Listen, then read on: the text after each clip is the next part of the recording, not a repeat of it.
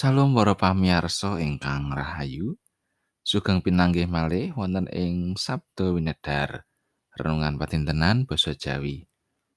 Monggo para sedherek kinasih sesarengan kita nyawisaken manah kita nampeni sabdanipun Gusti.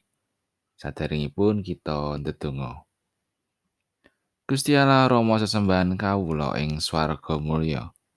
Matur nuwun Gusti, awit sakathahing berkah pangrimat paduka ing gesang kawula. Wekdal menika kawula nyawisaken manah kawula saperlu nampeni pangandika paduka. Mugi Gusti paring pepadang lan nyegetaken kawula mangertosi so nindakaken kersa paduka. Matur nuwun Gusti, tasih kathah dosa kalepatan kawula, mugi Gusti ngapunteni. Wonten ing asmanipun Gusti Yesus Kristus kawula ndedonga lan saos syukur. Amin. Waosan kapendet saking serat Rum bab 11 ayat selawe ngantos tigang doso kali. Awit dene para sedulur supaya kowe aja padha nganggep pinter awakmu dhewe. Karepku kowe padha nyumurupana wewadi iki.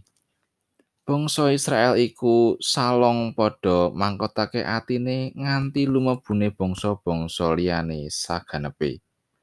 Kalawan patrap mangkono, bangsa Israel bakal kapitulungan rahayu kabeh, kaya kang katulisan wiraose. Saka ing Sion bakal rawuhe sang juru panebus. Panjenengane bakal nyingkirake saking pambelasare Yakub. Lan iki kang dadi prajanjian ingsun kalawan wong-wong iku. Samangsa ingsun wirat dosane. Manut Injil, wong-wong iku padha dadi satrune Gusti Allah marga saka kowe ananging manut ing pilihan wong-wong iku padha dadi kekasih Gusti Allah awit saka para leluhur sebab Gusti Allah ora kagungan raos kudung tumrap peparing isih rahmat sarta timbalane. Sebab iya padha kaya kowe ing maune anggonmu padha ora bangun miturut marang Gusti Allah. Nanging saiki wis oleh sih piwelas marga saka anggone ora bangun miturut wong-wong iku. Mangkono uga wong iku saiki iya padha ora bangun miturut. Supaya awit saka sih piwelas kang wis kaparingake marang kowe iku wong mau iya bakal padha oleh sih piwelas sebab wong-wong mau wis padha kakurung dening Gusti Allah kabeh ana ing kaanan ora bangun miturut supaya panjenengane saged ngetingalake sih piwelase marang wong kabeh mau. Makatan pangandikanipun Gusti ayat saking ayat songo ligur. Sebab Gusti Allah ora kagungan raos kadung tumrap peparinge sih rahmat sarta timbalane.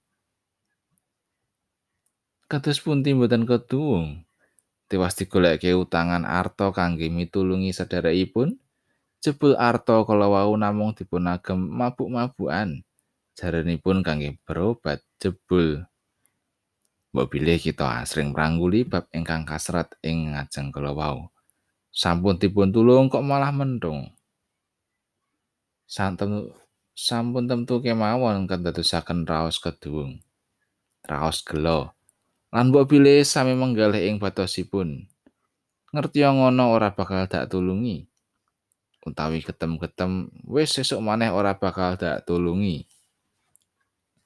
Sedosipun sampun makaping-kaping anggen kita menika ndadosaken kuciwanipun Gusti. Lampah gesang ingkang sampun kanugrahan pitulungan mboten dipun ginakaken ing sakmestinipun. Menika saged ndadosaken raos kuciwa, gelo ugi keduwung. nanging ewas manten wonten ing serat Rum 11 ayat 29 maratelaken bilih Gusti Allah mboten kagungan raos kadung tumrap peparingi sih rahmat sarta timbalane kita sampun kaparingan sih rahmat lan Gusti nimbali kita supados wangsul ing margi ingkang leres sih rahmat ingkang ageng nggih menika Gusti kersa tumedhak ing donya amrih kawulujenganing jagat Samangke menika wekdal ingkang sae tumraping kita sedaya. Sami ngrumaosi lan gegilut katresnanipun saha kastianipun Gusti. Sami ngaturaken panuwun wonten ing ngarsanipun. Malah prasetyo bilih kita tansah bingah dados kagunganipun Gusti. Kanthi tansah sumuyut saha ngestokaken kersanipun Gusti wonten ing gesang patintenan, inggih ing keluarga menapa dene wonten ing pasamuan, saha wonten ing gesang pasrawungan dhateng tangga kanan kiring kita. Amin. Puji